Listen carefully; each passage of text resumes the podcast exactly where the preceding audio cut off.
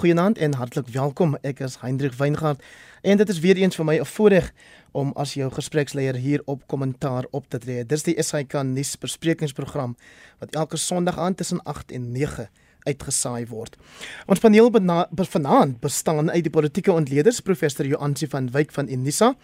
Goeienaand Joansi. Goeienaand Hendrik en eh, professor Antoni van Niekerk. Hy is van Wits Universiteit. Goeienaand ook aan jou Antoni. Goeienaand Andri. En dan saam met hulle die bekende ekonom Dawie Rood van die Efficient Groep. Goeienaand ook aan u meneer Rood. Goeienaand ook aan u meneer. Goeienaand. Ons praat vanaand oor die oorlog in Oekraïne, die begroting wat deur minister Enoch Godongwana gelewer is en dan vars nuus van die naweek dat die nasionale polisiekommissaris Kesla Sitole sy pos teen einde Maart sal ontruim. Ons begin met die oorlog in Oekraïne um, en ek gaan vir jou vra Antoni om ons in te lei. Daar is nou al minstens 200 burgerlikes burgerlikes dood in hierdie konflik. Maar maar kom ons begin met Suid-Afrika se standpunt. Wat is dit nou eintlik? Annelie, jy vra my nou vas hier in die begin van die program. Nou weet ek nie wat gaan ek van die res van die aand kan sê nie. Maar uh jy jy sal tyd hê om te herstel. ja, was 'n bietjie verward geweest. Dis maar ook soos die uh, EU en die Duitsers so 'n bietjie verwarrend was oor wat hulle moet doen om omtrent die Oekraïne. Uh want dit is 'n komplekse saak, is baie ingewikkeld en uh in ons regering was daar ek ek dink dit is nie geheim om te sê daar spanning tussen die SHKP, Kusatu en die ANC. Uh uh in intussen weet ek nie of jy gesien het nie die ANC het self sy ehm um, persverklaring bekend gestel oor ja. die situasie in Oekraïne onder die naam van Lindiwe Zulu wat die voorsitter is van die ANC se subkomitee oor internasionale verhoudinge. Uh en dit lyk vir my dat daai verklaring is maar 'n bietjie russies georiënteerd. Ehm um, nou Lady Pando die minister van internasionale verhoudinge het het uh, blykbaar self 'n verklaring geskryf of uitgereik om te sê 'n uh, uh, ander prentjie geskets die russe moet um, dalk hulle troepe onttrek uh, sodat hulle kan begin vrede maak. Maar ek dink uh, president Cyril Ramaphosa het vanmiddag toe hy in die Oos-Kaap 'n uh, vergadering toegespreek het op joernaliste se vrae geantwoord uh, gereageer oor presies hierdie ding en hy het 'n eenvoudige boodskap gehad wat dalk nie te werk is om verder te bedink en dit is ehm um, die konflik sal nie met verdere geweld uh opgelos kan word nie op 'n stadium sal daar 'n toenadering moet wees en 'n gesprek of mediering of 'n onderhandelingsproses as jy wil en uh, dit lyk vir my hy be, bedink die Verenigde Nasies se Veiligheidsraad as die aangewese instrument om op die regte tyd so 'n uh, toenadering te maak. Uh, en ek dink dis dis dis dalk die moeite werd om dit te oorweeg, maar ek wil vinnig bysê dat ehm um, partye tot 'n konflik stap nie net in 'n kamer in en begin onderhandel oor vrede nie. Uh daar moet uh, die omstandighede vir uh so toenadering moet eers geskep word. En ons kan uit ons eie geskiedenis leer in die laat 80er jare en die vroeë 90er jare. Ons het vir 4 jaar lank gesukkel om 'n ooreenkoms te uh, te bewerkstellig en dit dalk sou mense sê reg gekry op die einde in die grondwet, 'n nuwe uh, demokrasie. Ehm um, maar die omstandighede was so dat die dat die partye tot die konflik besef het dat hulle nie eintlik die stryd op hulle op hulle eie sal kan wen nie. Op hierdie stadium lyk dit vir my dink ehm um, Putin dat hy die hef in die hand het en dat hy die Oekraïne kan binneval en oorneem uh, of terugvat soos wat hy sê en hy skrik nie vir sanksies of vir die weste se se dreigemente nie. So die die omstandighede is nog nie reg vir vir hierdie tipe van toenadering nie. So dit is Cyril Ramaphosa se benadering, dis nou die Suid-Afrikaanse regering se benadering, maar ek kan vinnig by sê, my laaste sin is wat gaan ons regering doen as Ursula, Ursula von Leyen die uh, die EU se se wat is haar titel? Ehm um, voorsitter sê maar. Uh vir, vir president Ramaphosa bel vanaand of môreoggend en sê kan jy ons help om sanksies toe te pas teen Rusland? Dan gaan dit heel waarskynlik 'n ander saak wees. So jy aansien eers 'n verklaring wat sê die Suid-Afrikaanse regering doen 'n beroep op die partye om die geweld te stop en in gesprek te tree, dan later in die week uh, 'n verklaring van internasionale verhoudinge en samewerking wat sê Rusland, julle moet ophou. En dan uh, sien ons vandag op die Sunday Times se voorblad Ramaphosa unhappy over SA's Russia flip flop. Ja, Heinrich, eh, eintlik is Antoni die generaal by sy doktorsgraad op hierdie onderwerp gedoen, naamlik binnelandse besluitneming. So hy is eintlik baie meer geletterd om te antwoord, maar ja, wat ons wel sien is dat hier is nou groot ehm um, belange natuurlik op te sprake. Ons sit met ons eie ambassadeur wat natuurlik homself in Kiev bevind wat weet op die grond is en wat natuurlik nou in daardie diplomatieke ehm um, um, teater um, opereer met die ander ambassadeurs wat in in Oos-Europa geplaas is. En hoofkantoor in Soutpansberg weg teenoor dan nou die president wat op, op 'n baie hoër vlak tipies te doen het byvoorbeeld in die BRICS en die IPSA konteks en natuurlik ook by by ander hoëgeplaaste geleenthede um, op 'n bilaterale vlak met Putin. So hulle is nie vreemdelinge van mekaar nie en die feit dat ons president dan dit nou terugverwys na die veiligheidsraad of die VN um, is is natuurlik 'n baie veilige opsie. Dit is natuurlik ook binne die internasionale reg dan nou die die regte verwysing om te doen, maar op 'n manier vat ons dan die besluitneming um, uit ons eie hande. Ons hoef nie 'n bepaalde standpunt in te neem nie, want ons weet dat die Russe gaan die besluite wat geneem word, soos wat hulle die afgelope week met noodvergaderings gedoen het, gaan dit eenvoudig veto um, en ek het 'n vermoede dat die die prosedurele debat wat vandag in plaas vind in in die FSA um, met die Verenigde uh, Veiligheidsraad oor om hierdie um, saak na die algemene vergadering toe te neem, gaan dalk ook 'n um, veto um, um, of um, teenstand van die Russe kry. Ehm um, waar dit dan verder bespreek word. Maar in Suid-Afrika se geval is hier vir ons spel. Ehm um, ons het lank gebou aan hierdie verhoudinge met met met um, Rusland natuurlik nou voor 94 na. Ons hou daarvan om 'n geselskap van Rusland te wees. Dit is 'n uh, natuurlik 'n 'n lid, 'n uh, permanente lid van die Veiligheidsraad. Ons weet ons jong president het al by Putin se dacha tyd deurgebring. Hy gaan vir mediese behandelinge daar. So hier is hier is 'n binnekring wat baie bewus is van die die toenadering of die die die binneverhoudinge wat bestaan byvoorbeeld met die binnekring van van Rusland. Maar dan het ons hierdie internasionale plig. Um, ons het pas pas teenwoordig by die Afrika EU um beraad in in Brussel byvoorbeeld. So ons kan nie um ons ons belange opmaak soos wat ons gaan nie. Um ons sal moet 'n standpunt hier in inneem en dit sal interessant wees hoe die sake dan nou ontvou hoe dit dit gekommunikeer uh, ge, uh, gaan word. Wat ons wel sien is dat die dat die boodskap wat uit die presidentsie uitgekom het is dat hy moet hierdie besluite geneem het en gekommunikeer word. Nou uh, mense sou dink dat die minister is dan die die lynfunksionaris wat dan dit behoort te gedoen het, maar toe duidelik wou die president 'n uh, ander um, uh, hoek ingeslaan het en en dit is natuurlik nou waar die politiek um, interessant raak. Dawie, jy kan dalk vir ons iets meer sê oor hoe belangrik is hierdie BRICS vennootskap vir Suid-Afrika, die met Brasilië, Rusland, Indië, China en dan ons nou ons die Republiek van Suid-Afrika. Ja, ek wil miskien net na aanleiding van die van wat die eh, die uh, professor is pas gesê, miskien net 'n vinnige opmerking maak. Ek dink ek is 'n bietjie kennis um oor 'n uh, bietjie binnekennis oor die oor hoe die Russe hierdie hele ding sien uh en dit het te doen met my persoonlike kontak met Rusland en dit is die Russe het nog maar by meer as een geleentheid gesê uh, laat baie mense in Suid-Afrika dink dat Rusland nog steeds 'n kommunistiese party is. En veral die die kommunistiese partye in Suid-Afrika byvoorbeeld uh die sleep kort kort vlerk by die Russe uh, want hulle is onder die indruk dis nog steeds dat hulle gaan simpatiek kry by die Russe want hulle is 'n kommunistiese uh, regering. En dit is natuurlik hoegenaamd nie die geval nie. Die rede hoekom ek dit noem is omdat die kommunistiese party in Suid-Afrika blykbaar hulle steun aan Rusland toegesê het. En ek dink hulle maak 'n baie groot fout as mense Rusland ergens op 'n manier wil kategoriseer, ek dink sekere regse of miskien selfs 'n verregse regering noem. Hoe dit ook al sê, van die van die BRICS lande, uh, hulle is so ver, jy weet ons dat die Chinese en die Indiërs redelik neutraal staan. Ek weet nie waar die Brasiliane is nie, maar daai twee lande staan redelik neutraal. Ek dink nie die verhouding tussen BRICS is so sterk dat ons werklik waar 'n uh, noemenswaardige invloed hier gaan hê nie. Ek dink in elk geval nie die BRICS lande die praat uit een mond uit nie.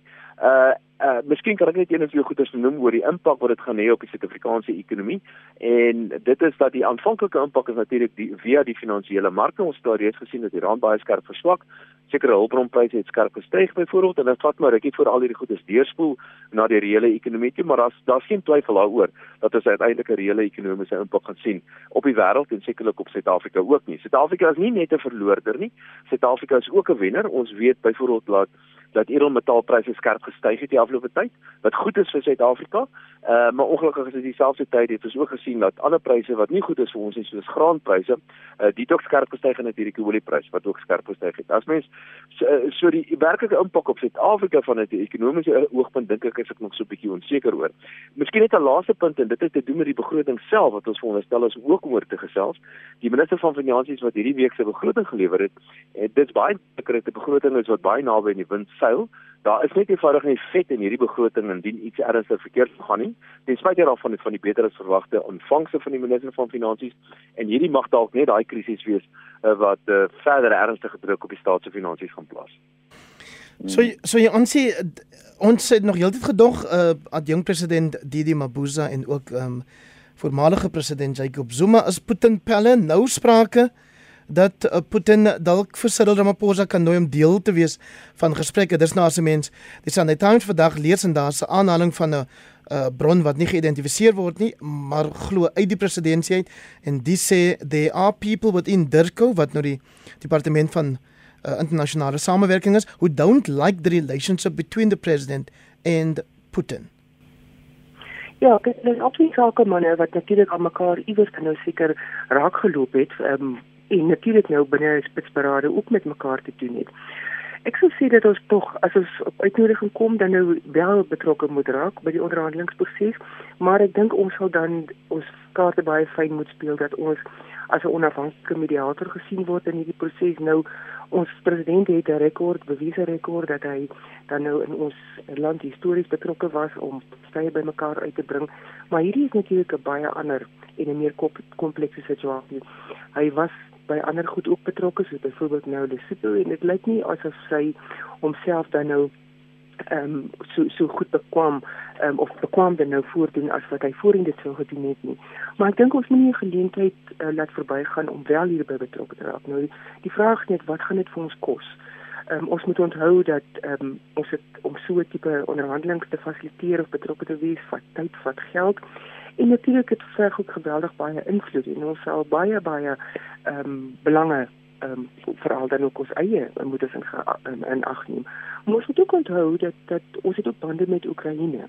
En wat wil ons hmm. daarmee doen? Nou Oekraïne is 'n groot voedselverskaffer aan aan Afrika byvoorbeeld.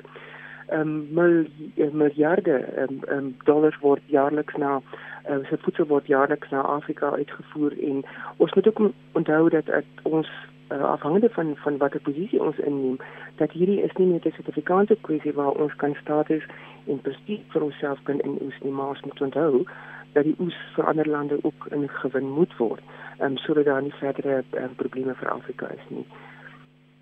Antonie het jou vanmiddag oor die TV hoor sê die gebeure in Oekraïne as ek dit reg gehoor het het 'n 1500 jaar lange aanloop. Maar nou moet ek ook sê die die harde reën het daai tyd begin en toe met DStv syn uh, verlore geraak. So, so ek hoop ek het jou reg gehoor. Verduidelik vir ons asseblief. Ja, net kortliks, maar ek wil iets sê oor uh, jou aansie se opmerkings ook. So, ehm um, maar die twee hou verband met mekaar. Miskien moet ek begin by met onsself weer eens. Uh dis waar dat mense soos uh, president Ramaphosa en uh, en 'n paar ander het uh, ervaring van van onderhandelings veral in die Afrika konteks.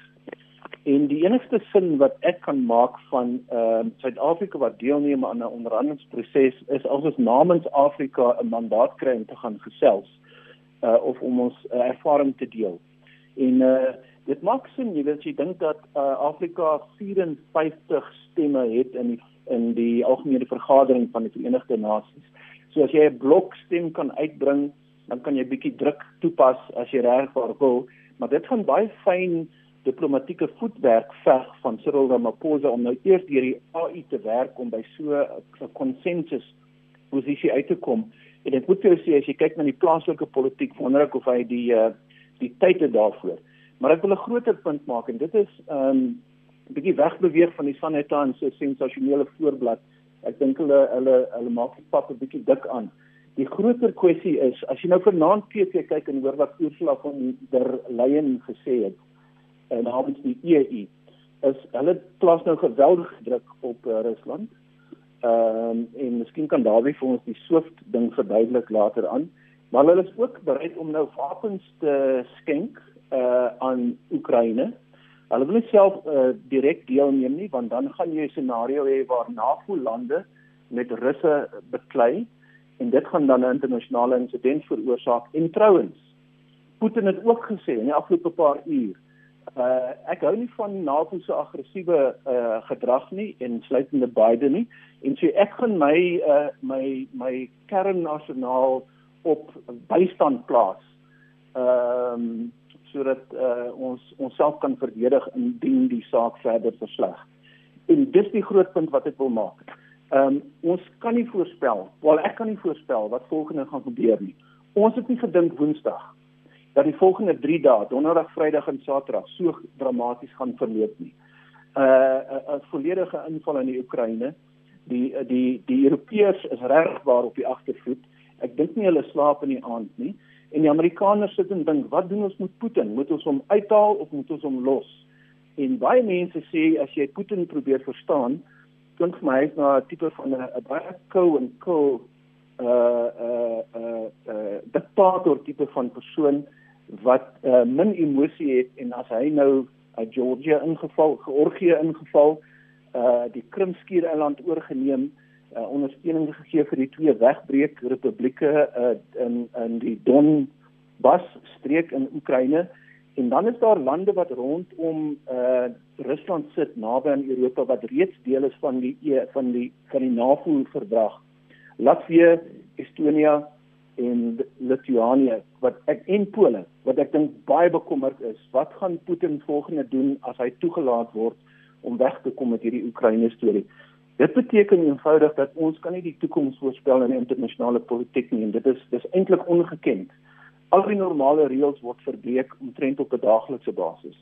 So ek dink is uh, ons moet bekommerd wees ehm um, oor ons sit baie ver weg.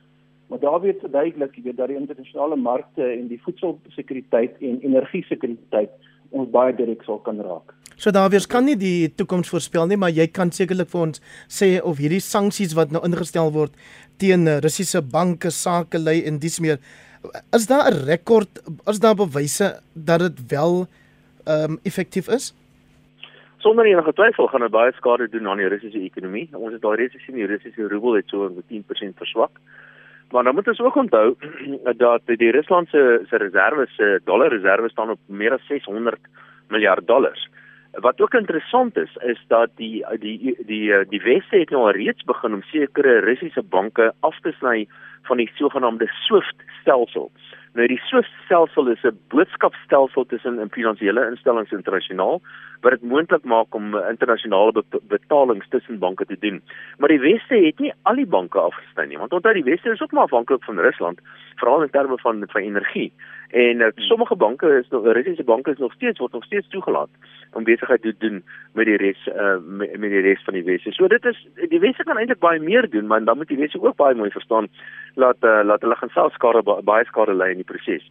Hou ook in gedagte dat die Russe en China die afgelope tyd natuurlik baie nader aan mekaar gekom het en daar sal reeds 'n soortgelyke tipe van stelsels in plek gestel veral tussen Rusland en Rusland en China uh, vir die moontlike gebeurtenis dat Rusland uiteindelik uit hierdie soortstelsel uitgeskop gaan word. En Rusland kan nog steeds baie besigheid doen met China uh byvoorbeeld. Miskien moet mense net die die die grootte van die onderskeie ekonomieë bietjie beter probeer verstaan en ek weet ek het nou geluister na my agbare kollegas hierso en hulle insetsels hoe Suid-Afrika bydra kan lewer. Maar die Rusland se ekonomie is so wat 3% van die wêreld se ekonomie. Die hele Afrika is so wat 2% van die wêreld se ekonomie. Ek dink nie as Rusland dink vir 'n oomblik aan Suid-Afrika nie. Ek kan nie regtig sien hoe Suid-Afrika 'n noemenswaardige deel of 'n rol sou kan speel in gesprekke uh, vorentoe nie. Maar maar sonder twyfel gaan dit 'n groot impak hê op Rusland op hulle ekonomie. Soos ek gesê het alreeds 'n klomp byvoorbeeld hul kapitaalmarkkoerse het skerp verswak dit beteken hoër rentekoerse en hoë inflasie in Rusland maar dit beteken ook hoër inflasie in die res van die wêreld en sekerlik in Suid-Afrika ook. En in 'n in 'n erge scenario niemand weet wat in die toekoms gaan gebeur nie. In 'n erge scenario is dit baie moontlik dat die wêreldekonomie in 'n resessie kan ingaan en al die nare goeders wat daarmee gepaard gaan. Hierdie kan potensieel in 'n baie lelike konflik oorspoel in die ekonomie Is Amerika jou aansê die land die wêreldmoondheid na wie ons moet kyk om soort van die voortou te neem?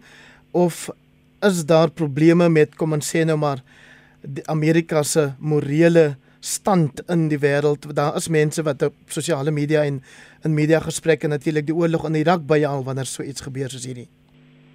Ja natuurlik. Amerika het natuurlik die probleem dat hy nie noodwendig direk grens aan aan um, in die gebeure wat hier is nie, maar dan homself dan nou binne hierdie alliansies bevind. Nou die probleem met Europa is daar is soveel oor u ehm ehm verskillende ehm um, organisasies waar aan state behoort en waar aan sekere state nie behoort. Soos byvoorbeeld die, die Noordiese state wat nie noodwendig die almal deel is van ehm um, NAVO of dan nou die Europese Unie nie. Nou Swede byvoorbeeld het nou sy neutraliteit vanaand ehm um, verbreek sê maar hy gaan 'n bydrae lewer. Ehm um, so dit en dit is die oeroue vraag. Ehm um, redelik onlangse vraag wat uh, ek dink dit was Kissinger wat gesê het, wie bel jy? Wat is Europa se telefoonnommer? Met wie praat jy as jy met Europa praat? En dis een van die redes hoekom dit so geweldig lank vat om besluite te kan neem. Want jy met die OSCE met jy kontak hê met NAVO in gedagte hou, jy met die Joint Expeditionary Force in kontak hou, dan is daar nog die Amerikaanse weermag om net operasie te loods en om goed te beweeg is soveel verskillende tale, wette, kulture waaroor jy moet beweeg.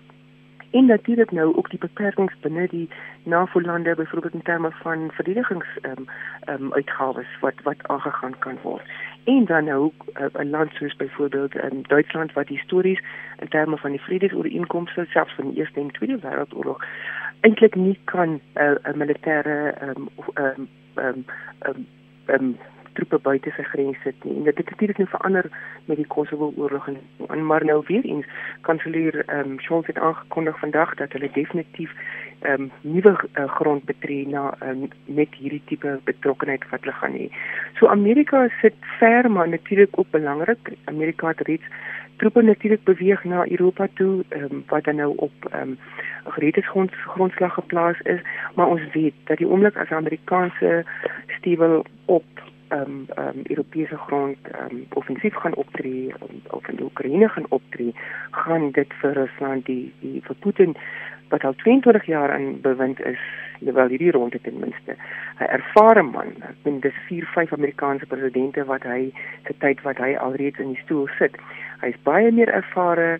Um Biden sal baie mooi hierdie spel moet speel en ek dink daarom is soveel afhanklikheid van Europeërs wat regtig nou um in in groot spanning hulle beleef want hulle besef dat hulle te lank gewag en Amerika dink ek tot 'n mate is baie naïef um, die die weermag sukkel om aan te pas na die gebeure van Afghanistan hoewel hulle in 'n proses is om soort van die lesse wat hulle daar geleer het te implementeer en te um, evalueer.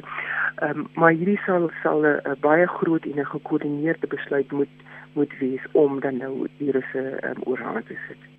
Antonie, ek wil hê ons moet afstap van hierdie onderwerp af, maar dan kan jy net vir ons iets sê oor die feit dat Rusland as 'n permanente lid van die Veiligheidsraad veto reg het. Verstaan ek dit verkeerd as dit vir my klink asof Rusland dan kan sê ag, julle kan nou maar enige besluite neem, maar, maar ek kan dit in elk geval afskiet. ja. Dis 'n way la, jy weet die tong uitsteek effek. ja, ja, dis 'n aardige eh, stelsel wat nou in die in die Veiligheidsraad heers. Ehm um, die veto reg stelsel. Maar dit beteken dat die vyf permanent so die Veiligheidsraad van die Verenigde Nasies uh kan 'n mens amper sê is die wêreld se enigste uh polisie man of persoon of gesag as jy wil. Ehm um, hulle kan besluite neem wat hulle kan afdwing. Ehm um, en daar's vyf permanente lede. Ons het hulle nou nou opgenoem. Ek weet nie of ons luisteraars kan onthou nie. Ehm um, maar dis maar uh die wenners van die Tweede Wêreldoorlog ehm um, wat Hitler en Mussolini verslaan het en die Japaneese dink ek. So so die Amerikaners en die Russe en die Chinese en die Franse en die Britte het hierdie veto reg. Hulle sit daarso in, hulle is permanent op die veiligheidsraad. Elke paar jaar kom daar uh, 15 of 20 Johan sê ek kan nie onthou nie tydelike uh veiligheidsraadlede by wat uit die verenigde uh, wat uit die uh, algemene vergadering ge gekies word. Ons was al 2 of 3 keer daar in 'n tydelike posisie, maar ons het nie hierdie veto reg wat ons kan gebruik of uitoefen as ons eie belange op die spel is of bedreig word nie. So die die Amerikaners en die Chinese en die Russe gebruik dit baie gereeld. Trouens daar's 'n verdeling ook tussen die vyf. Jy kan nou vir jouself uitwerk, jy weet, daar's die Chinese en die Russe aan die een kant, die P2 en dan die P3. P is permanent en die ander 3 soort van die westerse kant en hulle gebruik maar die veto reg om mekaar uh se planne in die wiele te ry as hulle dink hulle eie belange word bedreig. So Rusland hou nie daarvan as die Veiligheidsraad besluit te neem oor die die uh die inval in Oekraïne nie en dan veto hulle enige besluit wat die Verenigde Nasies wil neem om om stappe te neem of aksie te neem uh om Rusland by te kom. So dit lyk Johansi het, het vroeër gesê miskien of iemand Dawie het gesê dis miskien nie uh die aangewese weg om nou te volg nie. Uh maar op 'n stadium sal dit seker by daai punt moet uitkom. Want ek kan nie dink Heinrich aan enige ander organisasie of gesag in die wêreld wat vir uh so 'n um, 'n uh, 'n uh, 'n reël verbreker en 'n uh, aggressiewe man soos Putin uh kan vasvat nie. Ek wil vinnig nog een sin bysê as ek kan. Ek weet jy wil aanskuif na ander sake toe. En dit is die die ehm um, ons moet daar dalk ook net daarin iets sê, weet oor die humanitêre uh, tragedie wat homself afspeel voor ons oë in die afgelope 3 dae. Dit klink vir my asof 300 000 of meer mense, gewone burgers van die Oekraïne met busse en treine en hulle voete en taksies wegstroom uit die land uit Hulle vlug voor die Russiese soldate en missiele uit en hulle gaan na die bure toe wat hulle met oop arms ontvang. En jy's en die die wat dit nie kan regkry nie, sit gewoon onder in uh, in uh, in kelders en ehm um, stasie treinstasies en so en waar hulle waar hulle veiliger kan voel. En uh, ons het die voordeel uh, of die luxe om dit op TV uit te sien uitspeel in real time wat ongelooflik is. En dit is 'n tragediese dis 'n tra tragiese verhaal wat besig is om te ontvou. Ja. Ek is baie bly dat dat soveel mense daar's 'n daar's 'n wêreldwye beweging sien ek nou uh, wat sê dat die Oekraïne slagoffers is van 'n bose span mense Putin aan die een kant en die NAVO alliansie aan die ander kant en hulle is die onskuldige slagoffers en as hulle ondersteun kan word dan soveel te beter. En ek wil vinnig bysê as ek mag ehm um, Andre Groenewald is ons ambassadeur in Kiev. Ja en uh, ek het vir hom gevra hoe gaan dit en hy het tyd gehad vir 'n vir 'n 3 sekonde antwoord en hy het gesê dit gaan moeilik. Hy sit self in 'n kelder partykeer met sy gesin om hierdie missiele te ontduik en hy doen baie harde werk om alle Suid-Afrikaners te help om veiligheid te soek. Uh insluitende swart Suid-Afrikaners wat baie sleg behandel word deur die Oekraïners wat eintlik 'n tragedie is op sy eie. Dit was nou ah, dit was ja uh, Dawie ek wil jou nog 'n laaste kans gegee het want nou het uh, Antonie van gesê hy gaan 'n sin byvoeg en toe raak dit nou 'n mondvol maar wel oor 'n baie belangrike aspek van hierdie konflik. Uh, Wil jy vir ons iets sê oor hoe klink 'n gesprek oor die konflik in 'n huishouding waar een van die huweliksmaats van Russiese afkoms is? Ek dink dit so iets van daaraan geraak vroeër. Ja, laat ek net vinnig vir jou net noem vanuit 'n ekonomiese oors uh, perspektief wat ek sien en dit is dat ek dink die huidige wêreldorde wat ons vandag het is 'n wêreldorde wat eintlik ontstaan het 70 jaar terug die wêreldorde vandag met die veiligheidsraad onder andere dit is nie dit is nie verteenwoordiging van die werklike magte in die wêreld nie. Uh, 70 jaar terug was Brittanje 'n werklike mag geweest. Dit is glad nie meer so nie. Ek meen Indië se ekonomie is groter as dit en ek dink uh, ons het al reeds gesien blykbaar vandag en ek meen my kollegas gaan my kan reg uh, reg help hiermee. Maar vandag blykbaar het daar die het daar Amerikaners van hulle van hulle van hulle gevegsbote deur die die straat van van Taiwan gevaar en die Chinese het nogal daaroor keer gegaan. Dit is 'n potensiële konflik wat ook natuurlik kan ernstig uh, uh, afspeel. Wat my persoonlike ding aan betref, dit is nogal so, ek moet vir jou sê, nou praat ek so 'n bietjie uit die uit die huis uit en dit is dat as ons praat met familie in in Rusland dan is daar baie ongelooflike sterk ondersteuning vir vir Putin. Uh, ek dink die mense is ek dink die tipe van uh, loyaliteit teenoor Putin is onredelik. Dit is onirrasioneel in baie gevalle. Uh, maar dit is nie almal so nie. Uh, en ek dink baie van die jonger mense veral kom agter dat daar's 'n groter prentjie. Dit is nie net moedertjie Rusland wat saak maak nie. So moenie die die loyaliteit van die Russe self onderskat nie. Die Russe sien hierdie hulle die die perspektief van die Russe is heeltemal anders. Terhou ook 'n gedagte dat Kiev was die eerste werklike hoofstad gewees van Rusland die Russe sê onder mekaar dat Putin sal nie Kiev stukkend skiet nie, maar dit is deel van hierdie historiese geskiedenis. Dit is belangrik vir die Russe om die plek te behou en hulle besien ook eh, die die Oekraïners as as as hulle broers. So vir wat die Russe aanbetref is hierdie maar net 'n vereniging, was 'n poging om die werklike oorspronklike Rusland te herenig weer 'n keer. Ehm um, en miskien net 'n laaste punt, ek dink wat die werklike oplossing of die werklike antwoorde vir baie van ons vrae vanaand gaan daaroor of oor die persoonlikheid van Putin. Gaan Putin onttrek uit uit die Oekraïne uit en sy persoonlikheid is sekerlik nie van so aard nie. Ek kan nie sien dat hy hoegenaamd daar gaan onttrek nie en ek dink die beste scenario wat ons nou kan uitsien is 'n scenario waar Rusland waarskynlik die, Oekraïne gaan oorneem en laat ons dan so 'n lae intensiteit tipe van burgeroorlog daar gaan sien. Dis die beste potensiële scenario. 'n Erge scenario is dat Putin die geleentheid gebruik maak om byvoorbeeld Pole binne te val. Ja, Ansie, ek gaan nou ter wille van regverdigheid vir jou ook 'n kans gee. Wat my interesseer is Putin se gebruik van die sogenaamde nazi narratief en dan daarteenoor word hy deur die media byvoorbeeld uitgebeeld en mense wat aan proteste deelneem self uitgebeeld as Hitler. Hoe maak ons sin daarvan? Ja, kyk ons moet onthou dat die Russe baie goed met psych ops uh, met met soekende oorlogvoering en propaganda so dit het histories tot hulle voordeel ge, gewerk om dan nou hierdie hierdie narratief van ehm um, die die die ehm um, Duitser as die nazi wat die Russe haat um, om om dit voort te hou as die sondebok en dit het natuurlik nou baie politieke punte oor dekades heen ehm um, vir vir vir Rusland ingebring. Maar daarteenoor is dit dan nou die voete op die grond. Die spetsnat wat natuurlik nou in die geboue en die strate ingaan en wat dan nou met gewone mense letterlik um, straatgevegte gaan hê want ons gaan 'n situasie sien dink ek en ek hoop ek is verkeerd waar mense gaan stedelike oorlogvoering gaan vind. En ehm um, so ja daai beeld van die die die ehm um, nie rus wat wat ehm um, basies dan nou nie 'n mens is nie om dit te verontmenslik.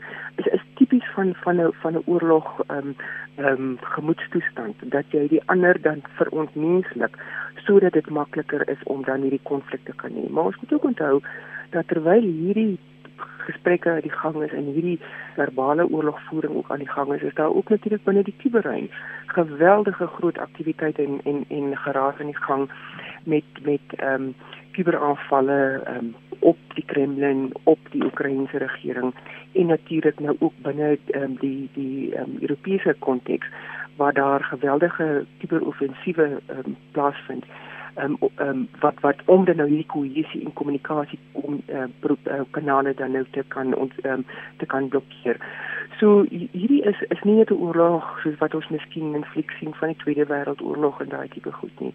Ons moet ook onthou dat 'n uh, ander um, aspek is is ook die, die moontlikheid van kern ehm um, goed wat ontplooi kan word. Er, um, Daar's vanmiddag so 'n aankondiging vanuit Rusland gedoen en natuurlik ehm um, chemiese oorlogvoering en dan hierdie nuwe wapen uh, die termobariatiese uh, wapentuig wat dan nou ook ontplooi gaan word. So ons sit hier met 'n heeltemal 'n ander uh, uh, uh, oorlogteater. Ons weet nie presies waarheen dit kan gaan nie maar um, en ek stem saam met David dat dit gaan baie slegter gaan voordat dit enigiets gaan verbeter gaan. Maar hierdie narratief is baie belangrik om dan die die die aandag en die verbeelding aan te gryp.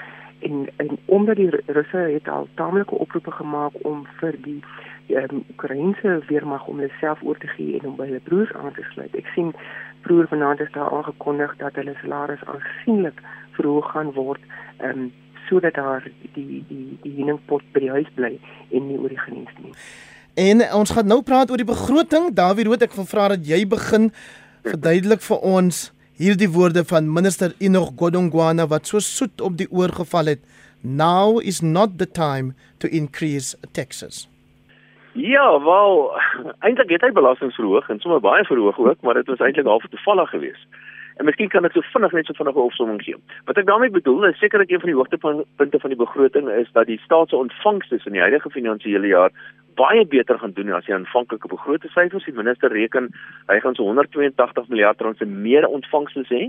Ek dink hy's konservatief, ek kan dit kan maklik 200 miljard meer wees en dit het hoofsaaklik te doen met die hulpbron siklus. 'n Baie sterk hulpbron siklus. Die ouens voer platinum en goud uit laat dit bars en natuurlik betaal baie belasting daarop. So iewes skielik lyk die staatsfinansies baie minder erg as wat ons aanvanklik gedink het. Maar dit beteken nie dat daar 'n surplus is nie. Dit beteken net dat die fiskale tekort gaan kleiner wees as wat ons aanvanklik gedink het. So dit het sonder twyfel vir my uitgestaan en wat die belasting self aan betref, daar was 'n klompie aanpassings wat die belastingskale aanbetref. Maar jy sekerlik reg, my groot een van my grootste verrassings hierso is dat die belasting wat altyd verhoog word en dis die brandstofheffing en die padongelukkefonds, die is nie verhoog nie. Maar daar was eintlik 'n toename in belastingontvangste, maar dit is half gelukkig. En dit is nie gelukkig aan ons kant nie, dis net gelukkig as gevolg van die internasionale kommoditeitssiklus en hierdie siklus so terloops word nou verder aangeblaas deur die konflik wat daar tans in die Oekraïne leer. So dit gelyk my gaan Suid-Afrika tot voordeel strek vir 'n tyd lank. As ons miskien net iets kan sê wat my die meeste pla van die minister van finansies is dat oor die oor die algemeen sê ek nogal saam met sy syfers. Ek dink dit is heel haalbaar. Ek dink die staat se finansies uh, sou baie naby aan die wind, maar dit is heel moontlik dat jy goed kan die syfers kan haal soos wat hy voorspel het, dat die staat se skuld uiteindelik kan stabiliseer en geleidelik begin daal. Dit is alles haalbaar, maar soos ek gesê het, dit is baie naby aan die wind wat ons sou. Wat my die egter heel meeste meeste pla is dat die minister van finansies vertel vir ons en sy syfers is weer 'n keer baie naby aan die waarheid dat in die huidige uh, finansiële jaar of die huidige jaar gaan ons ekonomiese groei van so net of meer as 2% sien en daarna gaan ons ekonomiese groei sien van onder 2%, 1.6% is 1.7%. En dis die probleem wat my pla. Ons het 'n minister van finansies wat nie eers vertroue het in sy eie regering nie, wat vooruitskatting doen van bitter swak ekonomiese groei uh, vorentoe Uh, en dit is duidelik dat hy dat hy dat hy dat hulle heeltemal nie hulle glad nie meer planne het nie dat hulle glad nie meer behoorlike beleid het nie en dat hulle eintlik hoop op hoop opgegee het om 'n uh, eh, beleide in plek te stel om die ekonomie aan die groei te kry. So as ek 'n internasionale belegger is en ek kyk na Suid-Afrika en sê ek ons eie minister van finansies sê hierdie ding gaan nie groei nie, hoekom op aarde moet ek in Suid-Afrika beleef? Maar intussen, so die konflik in in Europa nou verder uitsprei, uh, is daar sekerlik vir Suid-Afrika 'n klompie voordele aan, soos byvoorbeeld 'n baie sterk hulpbron siklus wat lei tot hele heelwat ekstra belastingontvangste. Ek is jammer dat ek nou die Engels moet gebruik Antoni, maar dit is 'n geval van dat die minister dalk voel ek wil nie over promise en under deliver nie. Ek wil eerder realisties omgaan met ons uh verwagtinge van ekonomiese groei. Ja, dit klink vir my uh ek ehm um, ek ek slaak 'n sig van verligting as ek hoor dat Dawie wat baie krities is op die ANC regering uh sê dat enog Konongwana se sommetjies daarom ordentlik uitwerk en dat hy saamstem met hom. Ehm uh, maar terselfdertyd moet ek ook sê dat ek bekommerd is oor twee of drie ander dinge en dit is ehm um, ehm um, ons ekonomiese groei so laag soos wat dit is en soos wat dit deur internasionale politiek geraak gaan word beteken dat hierdie sosiale toelaag wat vir soveel mense 'n uh, oorlewing beteken uh, heel waarskynlik nie volhoubaar gaan wees op die langer termyn nie. Hmm. En uh, dis my een van die grootste probleme, ehm um, is die afwesigheid of die die die skynbare afwesigheid van 'n baie duidelike ekonomiese herstelplan van die regering se kant af. Ek hoor nie regtig waar uh, na watter rigting ons stuur nie. Uh en dit kan wees dat die minister van finansies en die president en sy kabinet maar net gewoon pragmaties optree in 'n tipe van 'n 'n 'n survival mode, 'n oorlewingssoort van modus uh, om net die volgende paar maande te oorleef want die politiek skyn sit ook agter die begroting en die ehm uh, uh in die verder begrotings ehm um, detail wat ons gaan hoor van die verskeie departemente en dit is die politiek van die ANC wat in die afgelope maande nou opbou en tot 'n klimaks gaan kom later in die jaar met 'n verkiesing en dit lyk vir my ehm um, daar lê probleme voor. So die goeie wat ek ehm um, nie gehoor het nie buiten wat ek nou gesê het is 'n mens sou daarom verwag het van die van die minister om iets te sê oor onderwys. Jy weet uh, ek uh, ek dink omtrent 150 000 kinders het met hierdie COVID ehm um, krisis ehm um, hulle plek in die klaskamer verloor. Ehm um, en wat doen ons met ons onderwys? Moet ons meer geld insit? Moet ons dit ander anders benader of anders bestuur? Uh, hoe skep ons die die die die die die die werk, die vaardighede wat nodig is vir vir 'n herstellende ekonomie. Daar sou ek 'n bietjie meer van 'n visie wou gehoor het. Uh en dan is dit opvallend dat die dat ehm um, baie min van ons buitelandse sake en van ons sekuriteitssektor uh besprake gekom het. Dat dit uh ons verdediging, ons sekuriteit kos 'n klomp geld, jy moet investeer en dit lyk my ons het geld daarvoor nie en 'n mens kan nie altyd die kloutjie by die oor bring nie want hoe op aarde kan ons soldate ontplooi na krisissituasies op ons op ons grense by ons bure as ons nie meer die vermoë het om uh, mense op te lei of om toerusting aan te skaf of dit te onderhou nie. Mhm. So dit lyk vir my as mens in die fynste detail van die begroting ingaan, dan is daar aspekte wat kommerwekkend is. Maar jy nou sê jy slaak 'n sig van verligting as jy Dawie hoor sê die minister se syfers is heeltemal reg want hy's gewoonlik baie krities oor teenoor die ANC regering. Wat sê jy nou daarvan van jouself en jou eie ontleding? Maar wat dink jy ek is krities teenoor die ANC? Nee nee, ek vra jy moet vir ons sê. Jy sê jy jy slaag gesig van verligting omdat Dawie gewoonlik baie krities teenoor die ANC regering is. Wat sê dit dan van Antoni van Nieuwkerk se ontledings? Ek het nou net vir jou verduidelik dat ek dink die dat die dat die dat die president en die minister te kort skiet as dit kom by details oor die ekonomiese herstelplan. Goed. Kom aan kom ek vra vir jou uh, Joansie om met ons te praat oor net toe ons dan nou of dalk was ek een van min mense wat gedink het die Jesus minister en toe enkele dae later word ons gesê daai brandstofprys gaan aansienlik styg ja. en uh, met dit ek toe nog gisterand ten duurste moes gaan tank vol maak. Ja, kan ek net terugkom oor 'n algemene op, opmerking oor die grond uh, oor die oor die begroting. Hierdie was maar weer vir my 'n gewone Kersvader begroting, ietsie vir almal. En ehm um, ja, so die stout kinders het iets gekry en die kinders wat hulle self gedra het, het ook iets gekry, maar wat wat my bekommer het is dat hoewel daar hoop gegee is in terme van ja, ons gaan kyk na die na die samestelling van die brandstofprys per liter byvoorbeeld, want ons weet sien te gaan hiernatoe en daarnatoe dit dit lyk my dis een van die belastingvoor ehm uh, voorstelle wat op die tafel is dat die samestelling van die brandstofprys gaan na gekyk moet word.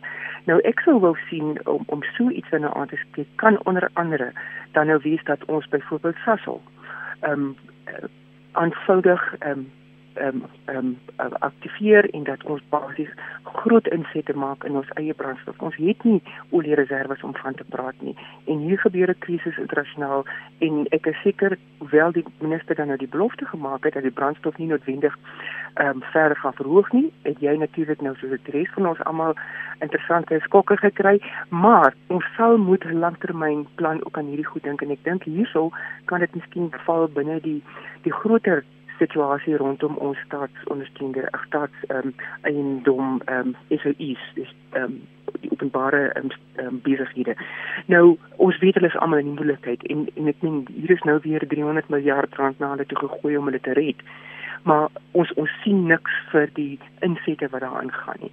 Nou ek dink ons sal moet baie goed kyk na dit wat ons self kan produseer, ehm um, sodat ons kan um, ons ons ekonomie kan vorentoe vat. Iets anders wat my ook bekommer nogal van die begroting is die is die goed rondom die aftrede ehm um, uh fondse die sogenaamde twee pot bedeling wat die minister aangekondig het. Nou ja, dit dis wat hy sê, dit gaan nou geld in mense se sakke sit, maar 10, 15 jaar ehm um, um, down the line soos hulle sê wat wat gaan dan die die situasie mhm. rondom belasting wees en dan skep ons dan nou net weer nog 'n generasie wat afhanklik is van die staat. 'n Interessante scenario die afgelope week van Jacques Sillier van die Instituut vir Sekuriteitsstudies um, gepubliseer wat hy gesê het is basies gaan die ekonomie onder uh, Ramaphosa volgende presidentskap wees teenoor dan iemand anders en ek sal luisteraars nogal aanbeveel om na te kyk na die werk wat Jackie gedoen het. En wat ek daarmee wil sê is dat hierdie is ook 'n begroting in die konteks van die tyd waarin die party staan, natuurlik ook binne die konteks van die pandemie waarin ons staan en dit is nou gelewer voor al hierdie groot gebeure. So ek kan vermoed dat die mediumtermyn begroting sal alweer 'n drastiese aanpassing hierso uh, moet moet um, gedoen word. 'n Ander ding wat ek nogal vir my uitgestaan het is dan nou rondom die, die regering se werkskepingsplanne waar waar um, as ek nou somme kan onthou binne 100 miljoen rand gegooi is om dan nou werk te skep um, om om die jeug dan ook um, van die strate af te hou. Daar's geld vir universiteite gegee en dit is iets wat ons baie mooi sal moet fyn fyn um, dophou is. Wat wat is die situasie rondom die jeug die onrustigheid daarvan? Hulle moet iewers goed gekanaliseer word en ons het nog nie 'n plan daarin nie want dit is 'n sluimerende bom um, en sonder om alarmisties te wees is dit dit, dit is 'n bom wat ons sal moet um, so gou as moontlik sal moet ehm ehm ehm ehm in skade uitstel. Maar goed, die die ehm um, dit dit bly ontstellend dat dat die ehm um, ekonomiese groei voorspellings baie swak is en ehm um, ja, en dat en dat die belastingbetaler dan nou op die ou end basies moet pas staan. Ek sien die sonde en die eidelbelastings is natuurlik die goed waar ons dan nou ehm um, die grootste bydrae gaan lewer en natuurlik die brandstof. So dit sal ook dan nou 'n belasting ehm um, gedrag aanpassing basies sal wees by die Suid-Afrikaanse verbruiker. Is wat doen jy met jou geld? En mense weet baie keer dat wanneer daar ekonomiese ehm um, afname is, dan is mense geneig om bietjie meer dan nou drank te gebruik of dan nou 'n plaas van kos te koop, dan nou self daarin ehm um, vind en en ek dink um, dit is goed wat ons baie fyn sal moet kyk dat hierdie ook dan nou 'n ontwikkelingsbegroting moet wees. Ehm um, en ons sal graag wil sien dat hierdie infrastruktuur wat dan nou beloof is, mense sien nie dat hierdie infrastruktuur begin nie. Ek dink van dat president Ramaphosa aan bewind gekom het, is daar hierdie groot beloftes van smart cities en infrastruktuur, brûe, paaie en en damme. En mense wil daai goed begin sien. Um, want dit gryp op die verbeelding aan die mense, maar goed, hier is 'n regering wat dan nou op die ou en besig is om hierop te lewe. En dan lees um, is dit ons plaaslike owerhede moet die basiese beginsels van die sosiale kontrak bekom. Hulle moet dienste lewer, hulle moet sorg dat die gewone burger veilig is en gesond kan leef. Ja, jy jy aansê ehm um, hier's 'n uh, SMS van Erde Toy van Virginia wat dit verskriklik moeilik vind om jou te hoor. So ek gaan maar net vra as jy nou weer praat dat jy bietjie harder praat. Ek kan altyd sagter stel aan die kant, maar dit sukkel as mense van hierdie kant af moet probeer harder maak. Weer wat 'n laaste woord oor die begroting wanneer ons moet by die uh Keslasi Tole kwessie uitkom. Ja. Da da jou aansit met ons gepraat oor die die die kommer geregverdige kommer oor werkloosheid, jeugwerkloosheid. Ons weet die die ander twee elemente van wat genoem word die drievoudige uitdagings in ons ja. land is armoede en ehm um, ongelykheid en dan is daar mense wat sê ons kan nie al meer mense afhanklik maak van maatskaplike toelaas nie. Ja, en ek uh, nee, natuurlik, ons het nie drie uitdagings in Suid-Afrika, dis net 'n klomp twak. Ons het net een uitdaging en dis ekonomiese groei. Ons het nie ekonomiese groei nie. Met ekonomiese groei gaan ons al die ander probleme kan oplos. En jy weet die regering het self handdoek ingegooi, behalwe dat hulle sommer erken dat ons toekomstige ekonomiese groei swak gaan wees. Hou hulle mense besig. Hulle noem dit werkskepping. Dit is natuurlik niks te doen met werkskepping nie. Dit hou net mense besig. Jy kry mense om langs die paaie uh, vlae te swaai en dit is inderdaad nie werkskepping nie. Dat ek miskien net so een of ander opmerkings maak uh, wat my kollegas nou genoem het. Uh iets wat nog nie genoem is nie en iets waaroor ek baie baie bekommerd is, is dat as jy 50 miljoen of meer besit, dan moet jy nou teen markwaarde dit moet jy dit nou verklaar aan aan die ontvanger. Ek dink dit kan potensieel die begin wees van 'n rykdombelasting in Suid-Afrika. Uh daar's 'n opmerking, ek dink Antonie het verwys na onderwysbesteding in Suid-Afrika. Ons spandeer baie meer op onderwys uh, op, op absolute en relatiewe terme as in vergelyking met ander lande en die kwaliteit is nie net swak nie, dit is van die swakste in die wêreld baie keer. Partykeer is ons die heel swakste in die wêreld. Die opmerking oor die aantal mense wat afhanklik is, daar is meer as 30 miljoen wat 'n uh, oordrag van die staat ontvang elke maand. Nou 10 van die 10 miljoen van hulle gaan oor 'n jaar hierdie hierdie hierdie hierdie inkomste, die sogenaamde COVID grant gaan hulle verloor. Ek dink dit gaan 'n permanente verskynsel word en ek dink dit uiteindelik gaan ons iets kry soos 'n basiese inkomste toelaag of 'n basic income grant. Dis iets wat ek reken gaan gebeur. Ehm um, en ja, en sê vir ons hoe voel jy daaroor?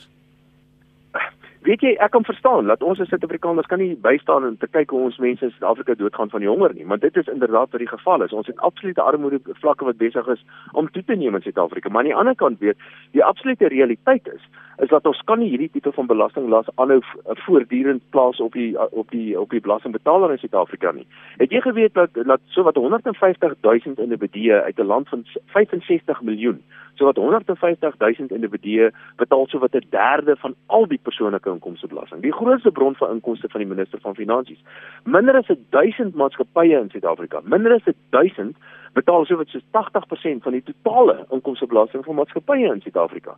Vir elke persoon wat 'n werk het in Suid-Afrika, is daar twee persone wat 'n oordrag van die staat ontvang. Nou sluit ek die staatsamptenare uit. Hierdie tipe van syfers kan net eenvoudig nie gehandhaaf word nie. As ons nie die ekonomie en die groei gaan kry nie, gaan werkloosheid verder toeneem, gaan politieke en sosiale spanning verder toeneem en sal armoede verder toeneem.